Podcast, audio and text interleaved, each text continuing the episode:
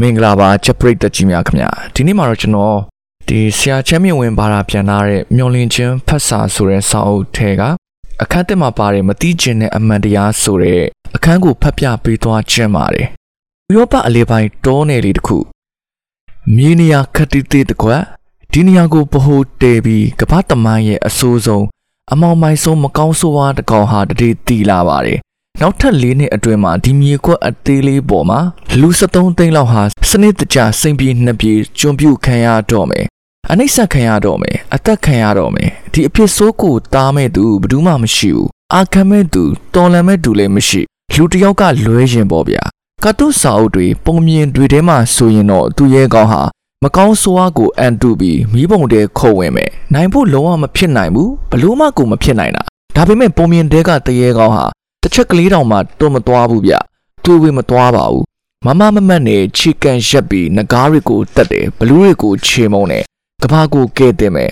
အချင်းနေပေးရင်မင်းသမီးကိုတောင်ကဲလိုက်အောင်ပါဗျသူ့ရဲရဲမှုအောက်မှာမျောလင်းချက်ဆိုတဲ့အလင်းရောင်ဟာဖြက်ကနေလင်းလာပါတယ်ဒါပေမဲ့အခုကျွန်တော်ပြောမယ့်ဇလန်ဟာပုံမြင်တပုတ်မဟုတ်ပါဘူးအဖက်စင်မရအောင်စုပ်ပြတ်တက်နေတဲ့ဇလန်တစ်ခုဖြစ်ပါတယ်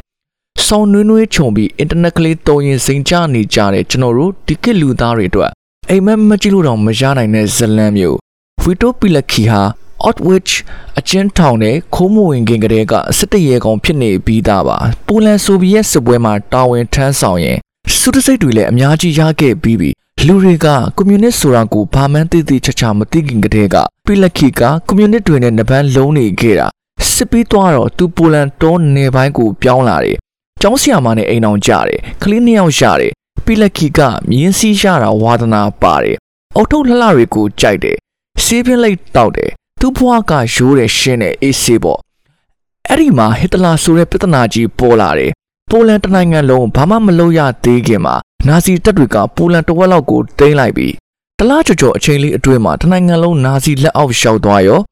စစ်ပွဲရဲ့လူမမေရရမတိုက်လိုက်ရပါဘူးမမျှမတကြီးမဟုတ်လား နာဇီတွေကအနောက်ဘက်ကနေဝင်လာတယ်ဆိုဗီယက်တွေကအရှေ့ဘက်ကနေရှောက်လာတယ်နေရန်နဲ့ကြောက်တုံးနဲ့ကြားမှာညှက်ပြီးတေးရတယ်လို့ပါပဲကဘာကိုသိန်းကျင်တဲ့နေရန်နဲ့တနိုင်ငံလုံးကိုမျိုးပြုတ်သွားအောင်ဖြုတ်ချင်တဲ့ကြောက်တုံးဆိုပါတော့ဘဒုကကြောက်တုံးလဲဘဒုကနေရန်လဲဆိုတာကိုကျွန်တော်လည်းမပြောတတ်ပါဘူးအစောပိုင်းမှာတုန်းကဆိုဗီယက်တွေဟာနာဇီတွေထက်အများကြီးပိုဆိုးခဲ့တာသူများအစိုးရကိုဖြုတ်ချပြီးကိုဝါဒကိုအတင်းသိပ်ထည့်ဖို့ဆိုရင်ဆိုဗီယက်တွေကဆရာတစုပဲလေ နာဇီတွေကအဲ့ဒီအချိန်တုန်းကအပြိုရမပြတ်သေးတဲ့အာနာရှင်တတ်သစ်စာလေးတွေလေဟစ်တလာနှကမ်းပွဲကိုကြည့်ရင်သိတာပါတယ်စစ်ပစ်ပြီးမကြခင်ဆိုဗီယက်တွေကပိုလန်လူမျိုးတသန်းလောက်ကိုနိုင်ငံအရှိဘက်ကိုပို့ပစ်လိုက်တယ်ခဏလေးရှက်ပြီးစဉ်းစားကြည့်လူတသန်းလူဦးရေတသန်းနေချင်းညချင်းပျောက်သွားတာအဲ့ဒီလူတသန်းတွေကအချို့ကဆာဘေးရီးယားအထိရောက်သွားတယ်အချို့ကတော့နှစ်ပေါင်းများစွာကြာတော့မှအဆူလိုက်အပြုံးလိုက်မြေမြုပ်ထားတာတွေပြန်ဖော်တွေ့တယ်ဒီကနေ့အထိရှာမတွေးတော့တဲ့သူကလည်းအများကြီးပဲ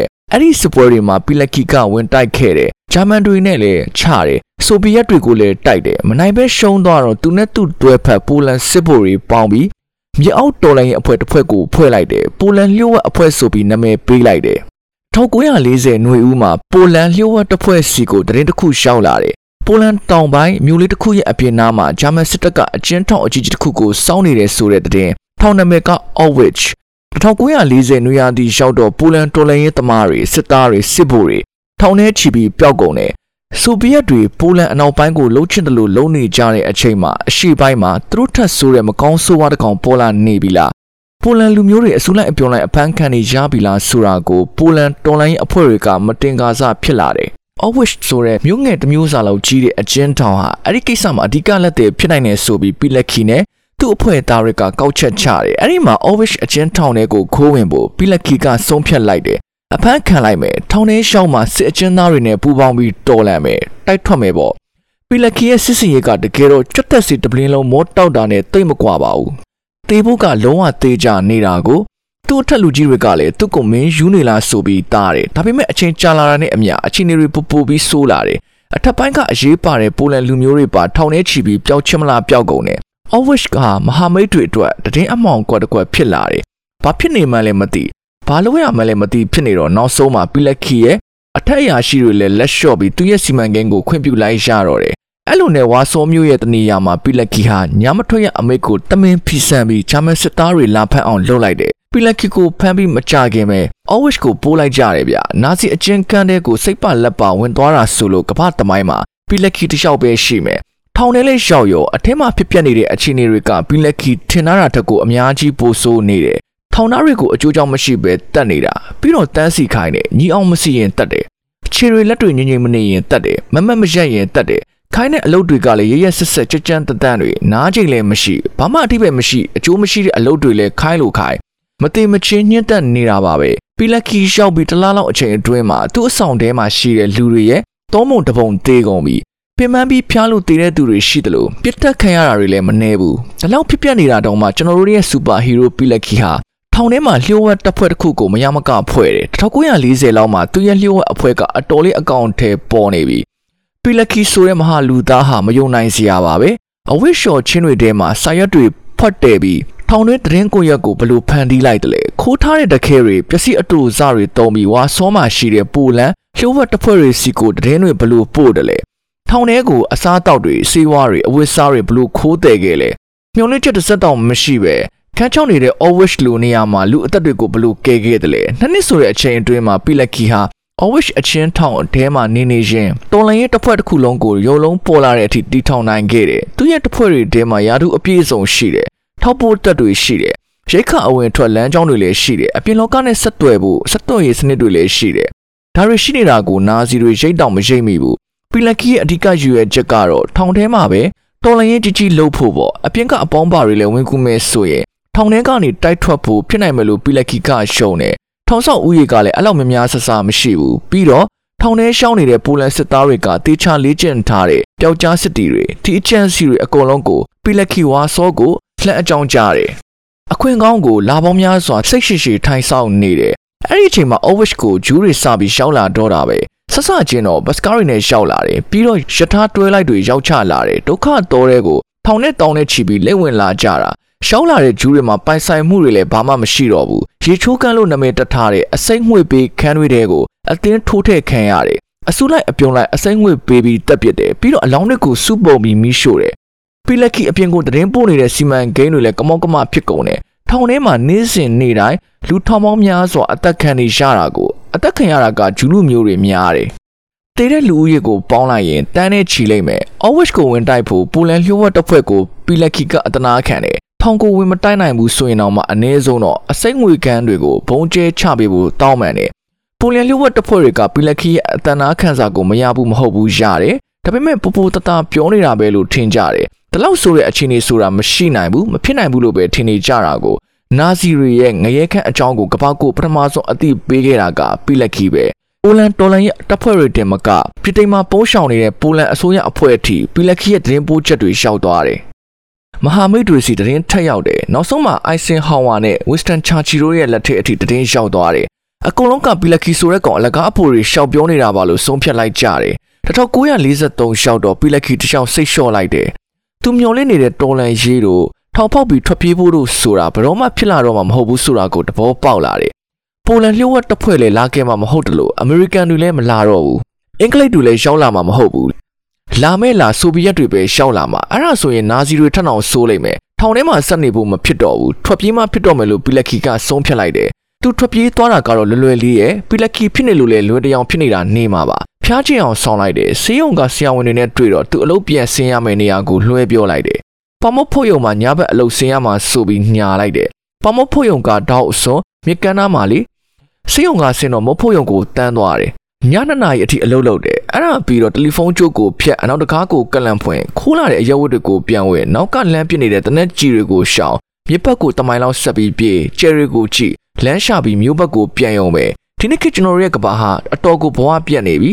နာစီခတုံးကတော့မစိုးပေမဲ့အတော်လေးကိုစိုးနေတယ်ပီလက်ခီရဲ့ဇလံမျိုးတွေဟာကျွန်တော်တို့အတွက်ခွန်အားဖြစ်စေတယ်မြုံလစ်ချက်အယောင်တန်းစေတယ်အဲ့ဒီတုန်းကအချိန်တွေကဒီထက်ကိုအများကြီးစိုးခဲ့တာပဲအဲ့ဒါတော့မှပီလက်ခီလိုလူကရအောင်ကြော်ဖြတ်ခဲ့တာပဲငါရောအခုတလောဘာလို့ပြီးပြီလဲဆိုပြီးကိုကိုကိုမေကွန်ထုတ်ချင်လာတယ်အခုခေတ်လို social media Instagram နဲ့ Twitter တွေကြားမှာအလို့ရှုံနေတဲ့ကျွန်တော်တို့လိုလူသားတွေအတွက်ဒီမေကွန်ဟာမေးလဲမေးချင်စရာပဲလေကိုအခုနေနေရတဲ့ဘဝကိုအဝေးကနေပြန်ကြည့်လိုက်ရင် ပီလက်ကီလိုသူရဲကောင်းတွေကဘာကိုကယ်တင်နေတဲ့အချိန်မှာကျွန်တော်တို့ကကို့အခန်းအဲယာကွန်မအေးတာလောက်ကိုပြဿနာလုံးနေကြတယ်ပီလက်ခီရဲ့ဇလန်ဟာကျွန်တော်ကြားဖူးသမျှတွေတဲမှာတော့သူရဲကောင်းအဆန်ဆုံးဇလန်တစ်ခုပဲဘာဖြစ်လို့လဲဆိုတော့သူရဲကောင်းဆန်ခြင်းဆိုတာတတိရှိခြင်းတစ်ခုတည်းမဟုတ်ဘူးလိမ္မာကျွမ်းကျင်ခြင်းလည်းမဟုတ်ဘူးတတိနဲ့ဉာဏ်ပညာဟာတစ်ခါတလေမှာသူရဲကောင်းမဆန်စွာအတုံးချခံရတတ်တယ်တကယ်တမ်းတော့သူရဲကောင်းဆန်ခြင်းဆိုတာမျောလင်းချက်တစ်စက်မှမကြံတော့တဲ့အချိန်မှာတော့မျောလင်းခြင်းကိုအသက်သွင်းပေးနိုင်တာ ပိတ်ပိတ်အောင်မှောင်နေတဲ့နေရာကိုအလင်းရောင်ယူလာပေးတာ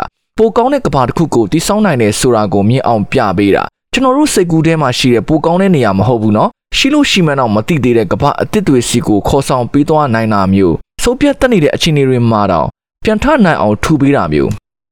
တတိဆိုတာမထူဆန်ဘူးဇွဲဆိုတာလည်းမထူဆန်ဘူးဒါပေမဲ့သူရဲကောင်းတွေရဲ့နောက်ကွယ်မှာစိတ်ဝင်စားစရာတဒနာတွေပါနေတယ်သူရဲကောင်းတွေရဲ့နောက်ကွယ်မှာဘာကြောင့်ပါလဲဆိုတဲ့ခန်းထားတဲ့မိကုံးတစ်ခုကပ်ပါလာတယ် ဘာနဲ့တွေ့တွေ့မတုံမလှုပ်တဲ့ယုံကြည်ချက်တစ်ခုပါနေတယ်ဒါကြောင့်လဲကျွန်တော်တို့ရဲ့ဒီနေ့ခေတ်ယဉ်ကျေးမှုတွေမှာသူရဲ့ကောင်းတွေကိုမမောတန်းတနေကြတာအရန်ကိုအဖြစ်ဆိုးနေလို့သူရဲ့ကောင်းကိုညှော်နေတာမဟုတ်ဘူးအရင်ခေတ်လူသားတွေရဲ့အရှိန်နဲ့တွန်းပေးခဲ့တယ်ဘာကြောင့်ဆိုတဲ့မေးခွန်းဟာအခုခေတ်မှာတင်ကောစားပြုလာလို့ပဲကျွန်တော်တို့အခုခေတ်လူသားတွေလူနေတဲ့အရာဟာငြိမ်းချမ်းသာယာရေးတစ်ခုတည်းမဟုတ်တော့ဘူးလျှက်စစ်ကအတစ်တူလည်းမဟုတ်ဘူးနီးပညာအတစ်တူလည်းမဟုတ်ဘူးကျွန်တော်တို့လိုအပ်နေတဲ့အရာဟာလက်တကမ်းမှာလွတ်လွတ်လွတ်ခင်ဖြစ်နေပြီ ကျွန်တော်တို့လိုအပ်နေတဲ့အရာဟာမျောလင့်ခြင်းဆိုတဲ့အရာစစ်ပွဲတွေမျိုးပြောအောင်တုတ်တင်ပစ်တာတွေအနှိမ့်ဆက်ခံရတာတွေနှင်းနဲ့ချီအောင်မြေတွေ့ခံစားခဲ့ရပေမဲ့ပီလက်ခီရဲ့မျောလင့်ချက်ဟာတိတ်မသွားဘူးသူ့နိုင်ငံကိုလည်းဆုံးရှုံးလိုက်ရတယ်မိတ်ဆွေတငယ်ချင်းတွေလည်းမရှိတော့ဘူးပြီးတော့သူ့အသက်တောင်ဆုံးရှုံးလို့နီးနီးဖြစ်ခဲ့ပေမဲ့မျောလင့်ချက်ကိုတော့လက်ထဲမှာစုပ်ထားတော့ပဲစစ်ပွဲပြီးတဲ့အချိန်ဆိုဗီယက်လက်အောက်ကိုပြန်ရောက်သွားတဲ့အချိန်တွေမှာလည်းပိုလန်နိုင်ငံလွတ်လပ်ရေးအတွက်မျောလင့်ချက်ကိုဆက်ပြီးမီးမွေးထားခဲ့တယ် သူ့ရဲ့သားတွေသမီးတွေငြိမ်ငြိမ်ချမ်းချမ်းတိတ်တိတ်ဆိတ်ဆိတ်နေရဖို့အတွက်ဆက်ပြီးမျောလင့်တယ်လူအသက်တွေကိုနည်းနည်းပဲဖြစ်ဖြစ်ဆက်ပြီးကယ်တင်ခြင်းနဲ့စစ်ပြီးသွားတော့ပီလက်ခီဝါဆောကိုပြန်တယ်တချို့အလုပ်ကိုဆက်လုပ်တယ်ဒီတစ်ခါတော့နာဇီတွေကိုထောင်လန်းတာမဟုတ်တော့ဘူးကွန်မြူနစ်ပါတီကိုထောင်လန်းတာဖြစ်သွားပြီဆိုဗီယက်တွေကပိုလန်အစိုးရတဲ့ကိုဝင်ချဲလဲပြီးရွေးကောက်ပွဲကိုကျူးဆွဲတာကိုပီလက်ခီအရင်ဆုံးတိတာပဲအနောက်နိုင်ငံတွေကိုအဲ့ဒီတင်ပထမဆုံးပေးခဲ့တာလေသူပဲ ဒီတစ်ခါတော့သူ့ကိုမိသွားတယ်အဖမ်းခံရတော့မယ်အီတလီဘက်ကိုထွက်ပြေးမလားဆိုပြီးသူ့ကိုချို့တတိပေးကြတယ်ဒါပေမဲ့ပီလက်ခီကဟင်းအင်းလိုပဲဖြေတယ်ပိုလန်နိုင်ငံမှာပဲပိုလန်နိုင်ငံသားတစ်ယောက်အနေနဲ့တည်မယ်လို့ဆုံးဖြတ်တယ်လွတ်လပ်တဲ့ပိုလန်နိုင်ငံဖြစ်ရမည်ဆိုတဲ့မျှော်လင့်ချက်ကြောင့်သာပီလက်ခီတစ်ယောက်ဒီလောက်ရှင်တန်နိုင်တာဒီမျှော်လင့်ချက်မရှိရင်သူဟာဘာမှမဟုတ်တဲ့သူတူဖြစ်သွားမှာပဲဒါပေမဲ့ဒီမျှော်လင့်ချက်ကြောင့်ပဲသူရဲ့နောက်ဆုံးအချိန်လေးရှောက်လာတယ်1940ခုမှာကွန်မြူနစ်တွေပီလက်ခီကိုဖမ်းမိသွားတယ် ဖမ်းမိတာနဲ့ချက်ချင်းနှိပ်စက်တော့တာပဲတစ်နှစ်လောက်နှိပ်စက်ခံရတယ်ပီလက်ခီကသူနှိပ်စက်ခံရတဲ့အကြောင်းကိုသူ့မိမကိုပြန်ပြောပြတယ် Always မှာခံခဲ့ရတာတွေဟာကွန်မြူနစ်တွေနှိပ်စက်တာနဲ့ရှင်ရင်ဆံမဖွဲ့လောက်ပါဘူးတဲ့ဘလောက်ပဲနှိပ်စက်ခံရပေမဲ့ဘာမှပြောမပြပဲဘူးကန်ညင်းနိုင်ခဲ့တယ်နောက်ဆုံးမှကွန်မြူနစ်တွေလည်းပီလက်ခီကိုနှိပ်စက်ရတာပြင်ပန်းလာတယ်ဘာမှလည်းမေးလို့ရမှာမဟုတ်ဘူးဆိုတာသဘောပေါက်သွားတယ်ပီလက်ခီကိုစန္ဒမူနာအဖြစ်ထားပြီးအဖြစ်ပေးဖို့ဆုံးဖြတ်လိုက်တယ် 1948မှာပီလက်ခီကိုခုံရုံးတင်ပြီးပြမှုပေါင်းများစွာနဲ့ဆွဲချက်တင်တယ်စာရွက်စာနဲ့အတူလုံးမှုညမထွန်းရအမိတ်ကိုဖီဆန်မှုတချို့အမှုတစ္ဆဖောက်မှုစသဖြင့်အစုံပဲ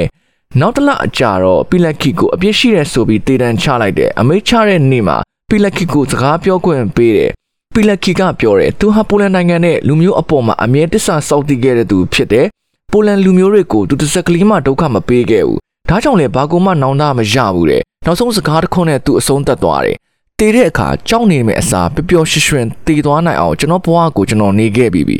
ဒီထက်ပိုပြီးရဲရဲတဲ့စကားမျိုးကျွန်တော်တော့မကြားဘူးဘူးခမည်းလည်းကြားဘူးမယ်မထင်ဘူး